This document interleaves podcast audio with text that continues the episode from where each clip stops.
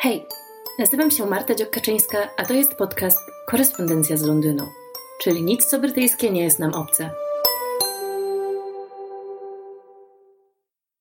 Witam Was w kolejnym odcinku, który będzie ostatnim odcinkiem tych wakacji. Postanowiłam zrobić sobie w sierpniu małą przerwę, podczas której nie będę musiała na plaży martwić się um, nagrywaniem nowego odcinka. Poza tym również, kiedy nie jestem w Londynie i Wielkiej Brytanii, dość ciężko mi się jest przestawić na myślenie brytyjskie, że tak powiem. No wiecie, to nie jest to samo. Ciężej jest e, być na bieżąco, chociaż oczywiście czytam wiadomości, ale to nie jest to samo, co być na miejscu. Um, i, I ciężej mi się w ogóle jest e, wkręcić e, w różne tematy. Więc myślę, że będzie fajnie, jak w sierpniu wszyscy od siebie odpoczniemy i wrócimy z nową energią we wrześniu, a z pewnością będę mieć wtedy mnóstwo tematów, ponieważ e, no, trwają e, różne polityczne dyskusje na temat tego, co powinno się stać i kiedy. No ale również e, wielkie rodzinne wydarzenie to, że moja starsza córka zaczyna szkołę, więc będę mieć zupełnie inny wgląd w brytyjską edukację niż dotychczas, co jest jednocześnie mm, ekscytujące i przerażające. Ale po prostu takie jest życie. Przez cały sierpień będę jednak wysyłać dodatkowy content y, i newslettery do patronów, także jeśli macie ochotę dostawać mini korespondencję z Londynu w sierpniu, to zapraszam Was do wsparcia dobrowolnego podcastu. A dzisiaj kontynuujemy alfabet Wielkiej Brytanii i czas na literę C. No i w ogóle dość długo zastanawiałam się, co powinno pojawić się w alfabecie na literę C. E, moim pierwszym skojarzeniem, takim automatycznym, był Churchill. Ale mam wrażenie, że Churchill to jest taka już, no oczywiście figura ikona, ale to też po prostu stary, biały facet z wyższej klasy, e, który pojawia się no niemalże w co drugim brytyjskim serialu i filmie a zwłaszcza jeżeli jest to no, film y, czy serial historyczny, tak? Oczywiście nie osadzony na przykład w erze Tudorów, no ale jest mnóstwo produkcji wojennych lub nawet niewojennych, mam, mam na myśli Peaky Blinders chociażby, w których Churchill jest w ten czy inny sposób obecny i mam wrażenie, że jest y, no już taką postacią może nie wyświechtaną, ale kurczę, no może wyświechtaną właśnie ale jakoś nie mogłam wymyślić na C nic innego. Aż w końcu moja koleżanka i trenerka, Ania, rozjaśniła moją mgłę mózgową. No przecież, Kornwalia. No na C, no nie? A oczywiście chodzi mi o to, że po angielsku Cornwallia to Cornwall. Jest to miejsce piękne i urocze. Jeżeli jesteśmy już w temacie wakacji, to jest to wymarzony kierunek wakacyjny drogi jak cholera i z wielkim wpływem na światową kulturę. Jest to miejsce poczęcia króla Artura, ojczyzna clotted cream, czyli klarowanego masła, czy klarowanej śmietany nawet, która jest po prostu najwspanialszą rzeczą do skąsów, cudownego, przaśnego brytyjskiego deseru, który jest chyba moim ulubionym. Oraz jest to ojczyzna Poldarka, Czyli, no wiecie, same najlepsze rzeczy, które wyszły ze Zjednoczonego Królestwa. Przy okazji zahaczymy nieco o inną literę C, czyli o Celtów.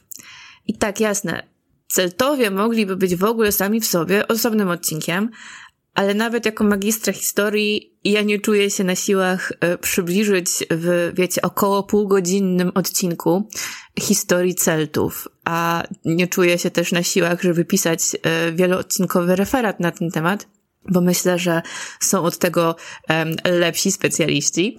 Um, no może kiedyś, może kiedyś się skuszę, ale myślę, że jak na stosunkowo maleńki i słabo zaludniony obszar, to Konwalia odcisnęła zaskakująco silny wkład w kulturę i, i chcę dzisiaj o tym troszeczkę opowiedzieć. Mam w ogóle taką teorię, że Celtowie zamieszkiwali wszystkie najpiękniejsze miejsca Wysp Brytyjskich. Generalnie prawdopodobnie mieli mapę, po prostu, um, wiecie, szli po wybrzeżu i stwierdzili, tu musi być ładnie, tu musi być ładnie, tu musi być ładnie i tu będziemy. To jest oczywiście żart, ale no naprawdę, generalnie za każdym razem jak odwiedzam tereny zamieszkiwane przez Celtów, to jestem pod większym wrażeniem niż w jakichkolwiek innych regionach. No, Irlandia również jest e, przepiękną e, wyspą e, zamieszkaną przez Celtów i ich potomków obecnie, tak?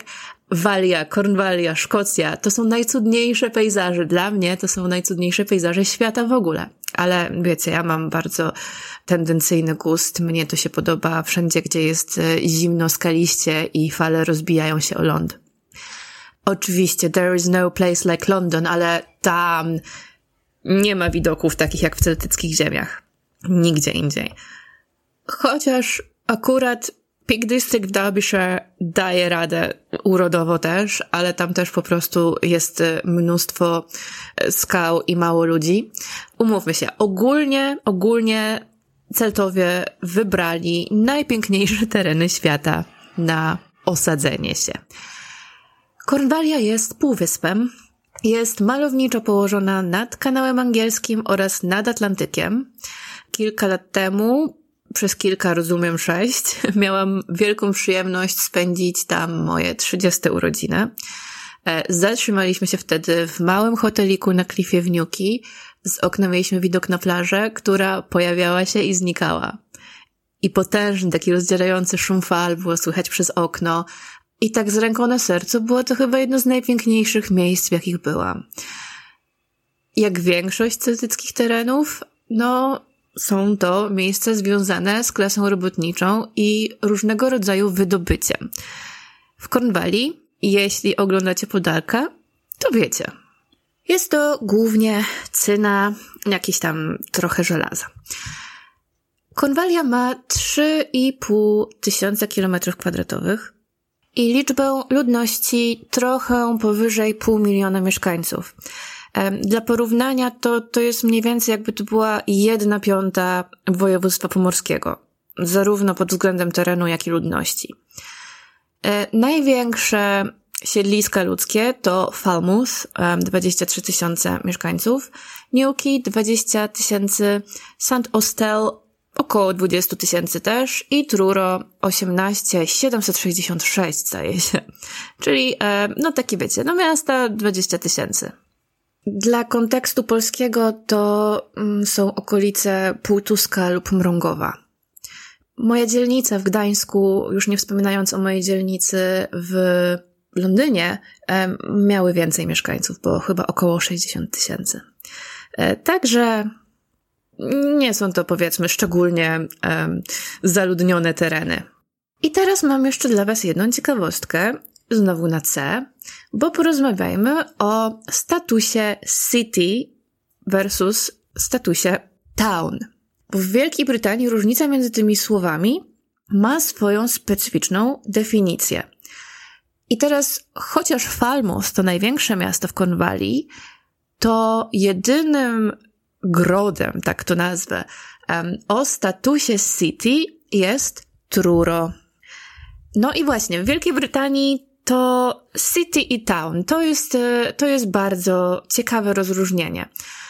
No bo jeżeli myślimy o miastach, to w naszym kontekście w Polsce, przynajmniej ja tak zawsze o tym myślałam i wydaje mi się, że historycznie jest to poprawne, to miasto ma nadany status miasta i zwiąże się to bardzo często z prawami miejskimi jeszcze ze średniowiecza, no ale oczywiście są inne miejsca, jak na przykład Gdynia, tak, które w tym, tym czasie nie istniała, jest y, zupełnie nowoczesnym tworem i są po prostu formalności, które spełnia się, żeby otrzymać ten status. I tyle, tak? W Wielkiej Brytanii ten status taki formalny to jest właśnie town. No i wtedy tam są, wiecie, polityczne, administracyjne różne implikacje. Natomiast, y, no między town i city różnica jest już właściwie, no taka statusowa. No generalnie chodzi o splendor. Bo jeśli chodzi o administrację i politykę, no to między city i town nie ma wielkiej różnicy. Różnica jest taka, że sam status, samą nazwę city otrzymuje się z nadania monarchy za poleceniem, za radą ministrów. E, I tradycyjnie ten status miasta w Wielkiej Brytanii był um, związany z posiadaniem przez miasto e, katedry lub uniwersytetu albo szczególnie dużej populacji, albo też jakiejś określonej formy lokalnej administracji, lokalnego rządu. Więc różnica nie jest taka jak między wsią a miastem, co w warunkach na przykład średniowiecza miało bardzo duże znaczenie, bo prawo miejskie czyniło wolnym, tak? Było powiedzenie e, Stadt Luft macht frei i ono jest absolutnie z innej epoki niż inne znane powiedzenie macht frei, bo jest to średniowieczne określenie. Powietrze miejskie rzeczywiście czyniło wolnym. Mieszkańcy miast mieli zupełnie inne prawa i status um, życiowy niż mieszkańcy wsi i dużo im było więcej wolno. Oczywiście, wiecie, dzisiaj już te różnice nie są takie, um, takie istotne dla jednostki, bo nie mamy, prawda, przywiązania do ziemi i tak dalej, i tak dalej. E, no ale wtedy było to bardzo ważne. Ale prawa miejskie dotyczyły właśnie towns, a nie cities. No i jest e, ten taki myk, że skoro miejsca z uniwersytetami i katedrami są miastami, no to historycznie one pozostały miastami.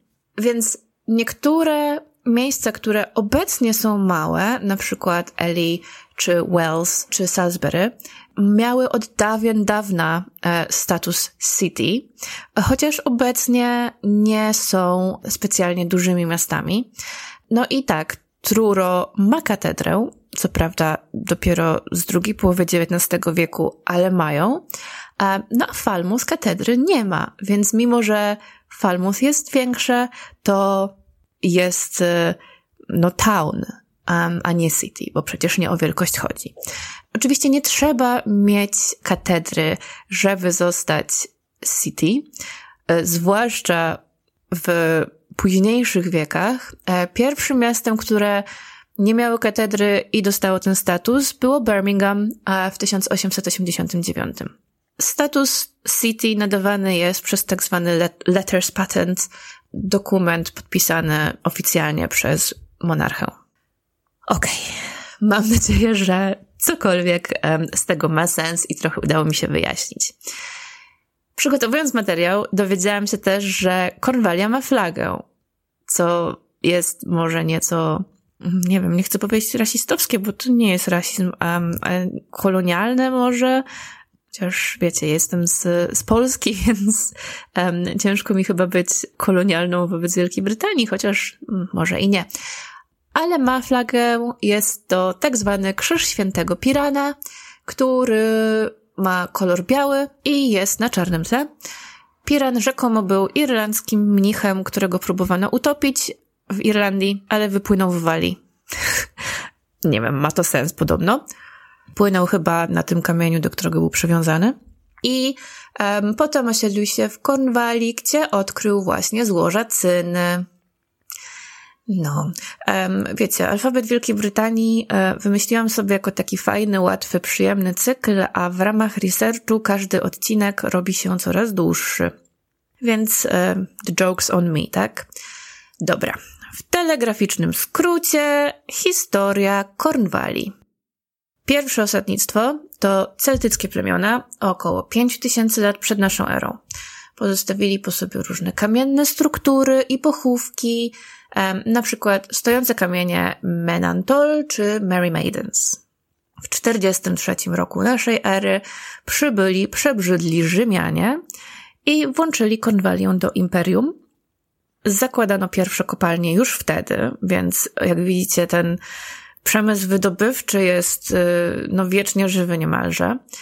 Ale obecność Rzymian była mimo wszystko dość ograniczona, no wiecie, w porównaniu do innych brytyjskich terenów, a po wyjściu Rzymian w V wieku Kornwalia przynależała do celtyckiego królestwa Dumnonii. Po najeździe Normanów w 1066 roku, to jest taki naprawdę zwrotny punkt w historii Wysp Brytyjskich, została wcielona do normańskiego królestwa. Od średniowiecza do XIX wieku kluczowe dla regionu były kopalnie. Obok żeglarstwa i budowania statków.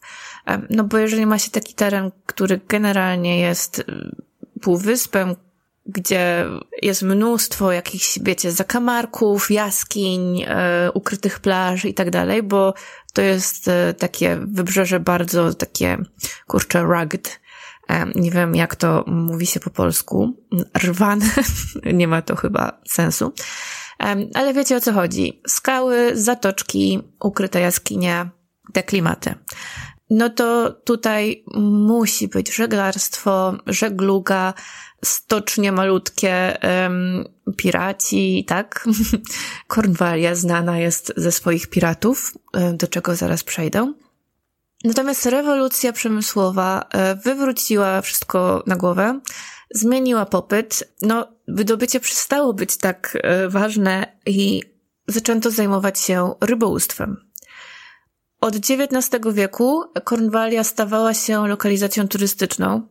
Oczywiście wiadomo, że w XIX wieku to ta turystyka była nieco innego kalibru niż obecnie, ale ludzie już wtedy tu przyjeżdżali, zwłaszcza artyści, o czym też e, zaraz będą opowiadać. No i od tego XIX wieku trwa też renesans zainteresowania celtyckim dziedzictwem. Nie tylko kornijskim, ale Oczywiście ogólnie, no mamy prerafaelitów chociażby, tak? No i w ogóle tę już wiktoriańskie zainteresowanie mm, rycerzami na rumakach gnających przed siebie. I to celtyckie dziedzictwo jest bardzo w Konwalii pielęgnowane. No i też e, Konwalia została w obecnych czasach uznana za osobny region, który ma no, własne jednostki administracyjne, które mm, mają moc samorządową. Jeśli chodzi o Kornwalię, to ona bardzo mocno trzyma się tej swojej unikalnej tożsamości. I w ogóle zaskoczyło mnie, jak wcześnie pojawiają się o niej wzmianki w historii i jak trzymała się wobec reszty kraju, no wiecie, tak dość mocno niezależnie. E, co nie udało się Walii chociażby, która była najeżdżana i podbijana um, zbrojnie i okrutnie, to Korniczycy sobie um, po prostu tak jakby siedzieli na uboczu i um, minding their own business. Um, udało im się w ten sposób zachować swoją tożsamość. Może to właśnie kwestia tego bycia na uboczu. Język przeżywa też odrodzenie. Nazywa się Kernewek. No i jest to oczywiście język celtycki. Ale słyszałam też w ogóle odnośnie właśnie tego trzymania się na uboczu różne ciekawe historie. E, ostatnio znajoma przytoczyła mi taką anegdotę, że podobno e, lokalsi są bardzo lokalsowi wobec kogokolwiek, kto, kto nie jest turystą, tylko próbuje żyć między nimi. I, I usłyszałam historię weterynarki, która doświadcza odrzucenia, bo jest z Bristolu, a nie z Cornwalli a jest jedyną weterynarz, weterynarką, lekarką weterynarii w okolicy i odbiera porody koni, krów i różnych owiec. Ja z Cornwallią mam, wiecie, ograniczone e, doświadczenie jednego wyjazdu e, i zainteresowania po prostu kulturalnie tym miejscem, więc sama nie mogę potwierdzić, czy tak jest, czy nie jest. E, wiecie, że ja nie lubię za bardzo określać, że nie wiem, jakieś miejsce jest ksenofobiczne i odrzucające innych ludzi. To jest to, co słyszałam. Jeśli macie inne doświadczenia z Cornwallią, to bardzo chętnie o nich poczytam, możecie do mnie napisać. A jeżeli macie takie same doświadczenia, to też bardzo chętnie o tym poczytam. Tu jeszcze od razu napomknę, jeżeli chodzi o przymiotnik od Kornwali, e, no to są poprawne dwie, dwie formy, kornwalijski oraz korniejski. Ponieważ po angielsku mówi się Cornish, to ten przymiotnik korniński dla mnie jest o wiele bardziej naturalny, bo kornwalijski robi się z tego taki tank twister dla mnie. Więc e, stąd będę mówić korniński. Kornińskie legendy odcisnęły piętno na całej kulturze europejskiej i światowej. Mało kto nie słyszał o królu Arturze, tak, e, i o pani jeziora w taki czy inny sposób. Jeśli chodzi o to poczęcie króla Artura, które wspomniałam na początku odcinka, no to um, jeśli dobrze znacie legendę, to wiecie, że jego matka została um, oszukana przez e, Utera Pendragona, była e, żoną kogo innego, a mianowicie e, Golojza, czy Golosa, księcia e. I wiadomo było, że e, Uther ma na nią ochotę, więc e, książę e, Cornwalli zabrał swoją żonę z powrotem do domu bez poproszenia o zgodę na odejście z dworu króla, więc król mógł go ścigać po kraju. Przebrał się też za niego i spędził namiętną noc z jego żoną, udając, że jest kim innym. Potem zabił męża i zdobył zamek i ożenił się z wdową. Co jakby może wydawać się um, dziwne z naszego współczesnego punktu widzenia, ale w średniowiecznym kontekście jest to absolutnie normalne. W innej legendzie z kręgu arturiańskiego, um, czyli e, Iwan, rycerz z lwem, no jest generalnie taki sam motyw, że młody rycerz zabija brutalnego innego wojownika rycerza, a potem żeni się z jego żoną, która nie ma nawet czasu rozpaczać. W ogóle ten motyw taki, że no wiecie, umarł mąż, niech żyje mąż, jest e, w, w średniowieczu dość rozpowszechniony, co ma sens jakby, tak? No bo Status kobiety zależał od e, jej mężczyzny, e, więc e, jeśli jeden umiera, no to trzeba czym prędzej wyjść za mąż, bo, no wiecie, mogłoby się coś tam jeszcze pogmatwać, jeżeli chodzi o majątek, status i tak dalej. I nie ma co rozpaczać nad umarłym mężem. Z naszego punktu widzenia oczywiście wygląda to inaczej, ale wiecie, życie to życie. Co ciekawe, zarówno żona Iwena, jak i um, królowa Igraine, no bo ona zostaje w końcu królową, bo wychodzi za króla Utara Pendragona. Według e, zapisów, legend, podań i one bardzo kochały tych swoich mężów, którzy zabili ich mężów, więc e, no. Niby ludzie się nie zmieniają, a jednak trochę. Właśnie. Więc jest to część e, kornińskiego dziedzictwa, podobnie jak Pixies, um, więc e, no wiecie, Pixies są w ten czy inny sposób protoplastami dzisiejszych wróżek i elfów. Zatem, no generalnie wszystko od Mabinogionu przez Sapka y, po Holy Black ma swoje korzenie, między innymi tutaj, tak? Oczywiście to nie jest tylko kornwalijskie, kornijskie dziedzictwo, natomiast y, no, opowieści tego regionu odcisnęły na tym kanonie swoje wielkie piętno. Już żeby nawet nie wspominać, że półhistoryczna postać e, króla Marka z Cornwalli jest też um, obecna mocno w walijskiej literaturze i no między innymi w romansie o Tristanie i Izoldzie, tak?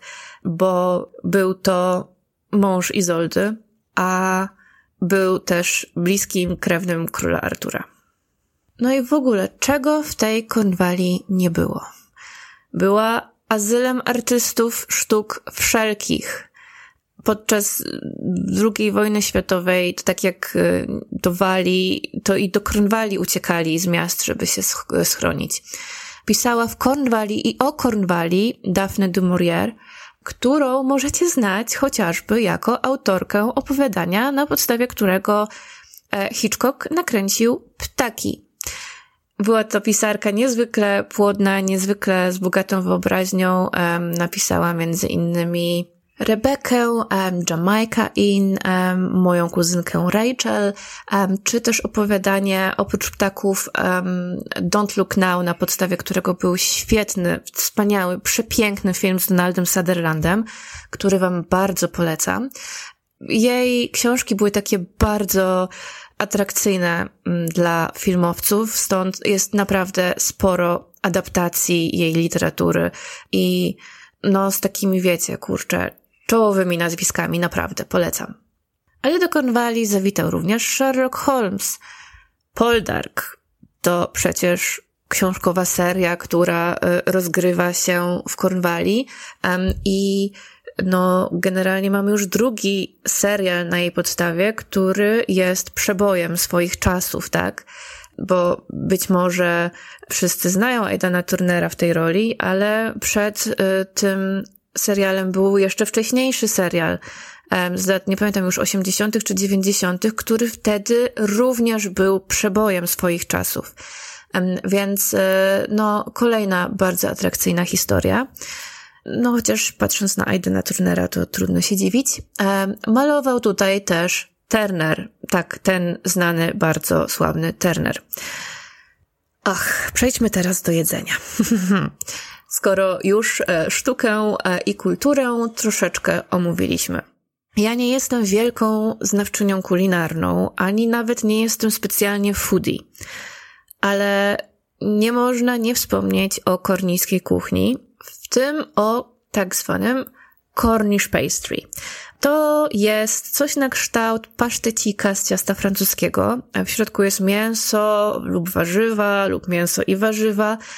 I to było takie, no takie danie związane z tym górniczym dziedzictwem, wiecie, Górnicy musieli coś jeść e, w pracy, w przerwie, więc tak to sobie tutejsza kultura ogarnęła.